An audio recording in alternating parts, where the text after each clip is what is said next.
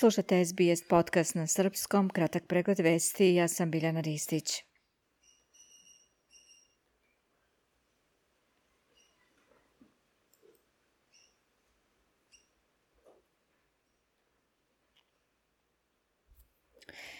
Tri nule telefonska linija saopštava da su pozivi sa Optusovih fiksnih... Vi ste uz SBS na srpskom. ...na nacionalnoj mreži. Premijer Antoni Albanizi doputovao u Raratongu na forum Pacifičkih ostrva. Vučić cenimo što Rumunija ostaje pri stavu poštovanja teritorijalnog integriteta Srbije. I iz sporta Matilde i Sokeruz spremni da dele buduće nagrade tokom svetskog kupa 50-50.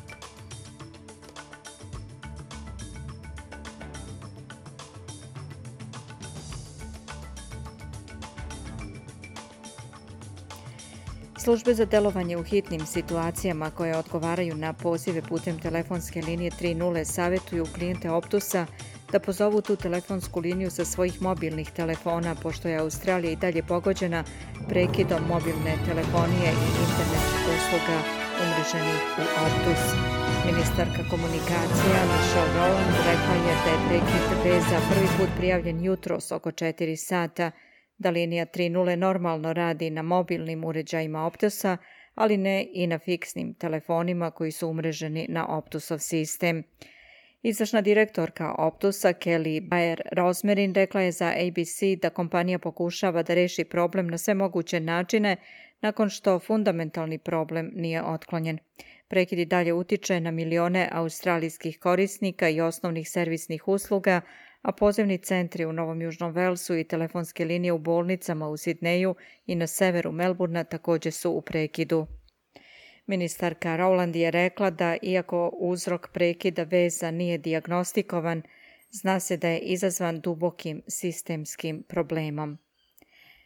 Premijer Antoni Albanizi doputovao je u Rarotongu na sastanak lidera Foruma Pacifičkih ostrava koji se održava ove sedmice – Premijer će se pridružiti liderima iz 18 pacifičkih zemalja kako bi se dogovorili o koracima za realizaciju strategije do 2050. za plavi pacifički kontinent, jer žele da pokažu da su podele na Pacifiku stvar prošlosti. Australija je uložila mnogo u sporazum iz 2022. koji će finansijski pokrivati oblast klimatskih promjena, bezbednostne izazove i nuklearna pitanja kao deo obnovljenog diplomatskog fokusa na matičnu regiju. Forum je ranije bio sputan pretnjama da će ga neke zemlje napustiti ili da neće prisustovati, a premijer Solomonovih ostrva Manaseh Sogavara je ove godine bio primetno odsutan nakon potpisanih sporazuma o većoj saradnji te pacifičke ostrvske države sa Kinom. Albanizi kaže da će bezbednost u regionu, uključujući veze Kine sa Solomonovim ostrvima, biti deo razgovora. Palestinska organizacija Crvenog polumeseca optužila je izraelske snage da su gađale humanitarni konvoj u gradu Gazi. Humanitarna organizacija kaže da je konvoj od pet kamiona prevozio medicinsku pomoć za spasavanje života zdravstvenim ustanovama, kao što je bolnica Al-Quds, kada je gađan, pri čemu su oštećena dva kamiona i ranjeni vozači. Do sada je u nemilosrdnom bombardovanju pojasa Gaze od strane izraelske vojske ubijeno više od 10.000 ljudi, od kojih su oko 40% deca, prema podacima Ministarstva zdravlja Gaze. Uprkos stradanju civila, izraelsko rukovodstvo je odbilo prekid vatre u regionu rekavši da neće razmišljati o zaustavljanju nasilja dok svi taoci koje drže militanti Hamasa ne budu oslobođeni. Tokom intervjua za američku mrežu ABC, Benjamin Netanyahu kaže da su moguće kratke humanitarne pauze. Slušate SBS podcast na srpskom, kratak pregled vesti. Albin Kurti je izjavio da je nacrt međunarodnih predstavnika o zajednici srpskih opština neuporedivo napredniji od prethodnih, dodajući da je Miroslav Ulajčak uputio pismo sa primedbama na dokument – on je novinarima u Peći rekao da zarad poverljivosti nacrta međunarodnih predstavnika o zajednici srpskih opština ne može da govori o primjedbama i kritikama, ali da su one veoma važne. Kurti je, kako prenose mediji u Prištini, naveo da je ponudio potpis samo kao deo paketa. Upitan zašto se nije sastao sa Lajčakom koji je dva dana boravio u Prištini, Kurti je rekao da nema potrebe da se sastaje sa njim jer ima druge obaveze. Ministar spoljnih poslova Srbije Ivica Dačić sastao se sa azerbejdžanskim kolegom Džejhunom Bajramovim, sa kojim je potpisao sporazum o zapošljavanju članova porodica diplomatskih predstavnika na plaćenim delatnostima. Ovo je veoma važan sporazum ne samo za građane, već i za ljude koji moraju da reše svoje životne probleme koji se nalaze na službi u Azerbejdžanu ili ovde u Srbiji, rekao je Dačić novinarima nakon potpisivanja sporazuma. Šef srpske diplomatije istakao i da je ovih dana stupio na snagu sporazum sa Azerbejdžanom o međusobnom ukidanju viza za nosioce običnih pasoša, što je još jedan veoma jasan pokazatelj izuzetno prijateljskih odnosa između dve zemlje. Ministar spoljnih poslova se zahvalio principijelnom stavu Azerbejdžana u punoj međunarodnoj podršci koju ta zemlja pruža Srbiji u borbi za očuvanje teritorijalnog integriteta i suvereniteta.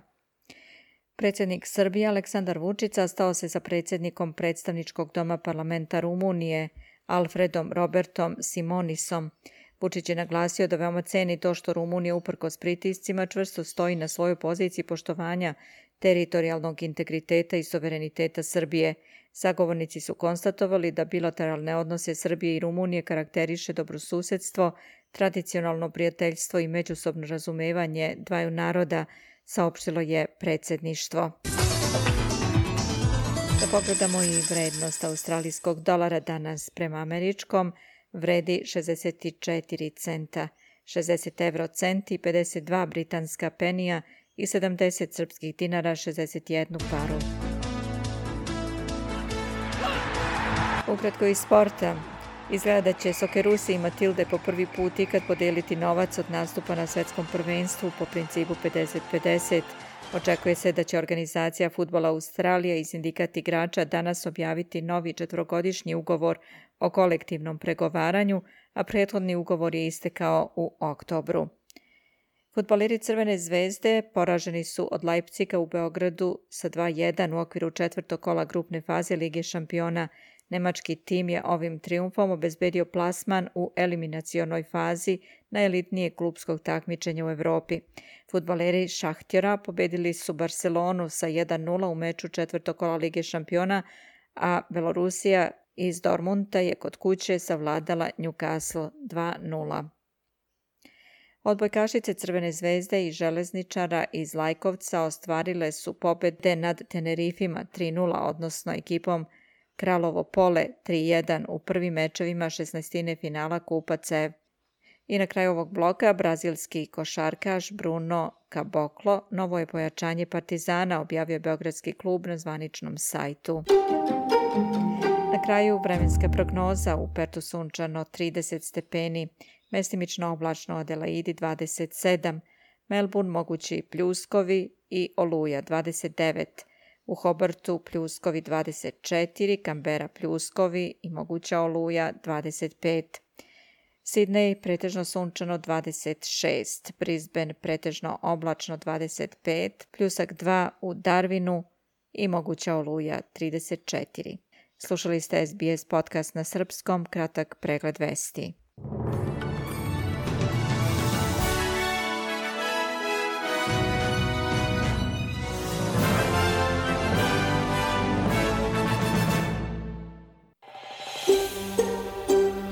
Želite da čujete još priča poput ove? Slušajte nas na Apple Podcast, Google Podcast, Spotify ili odakle god slušate podcast.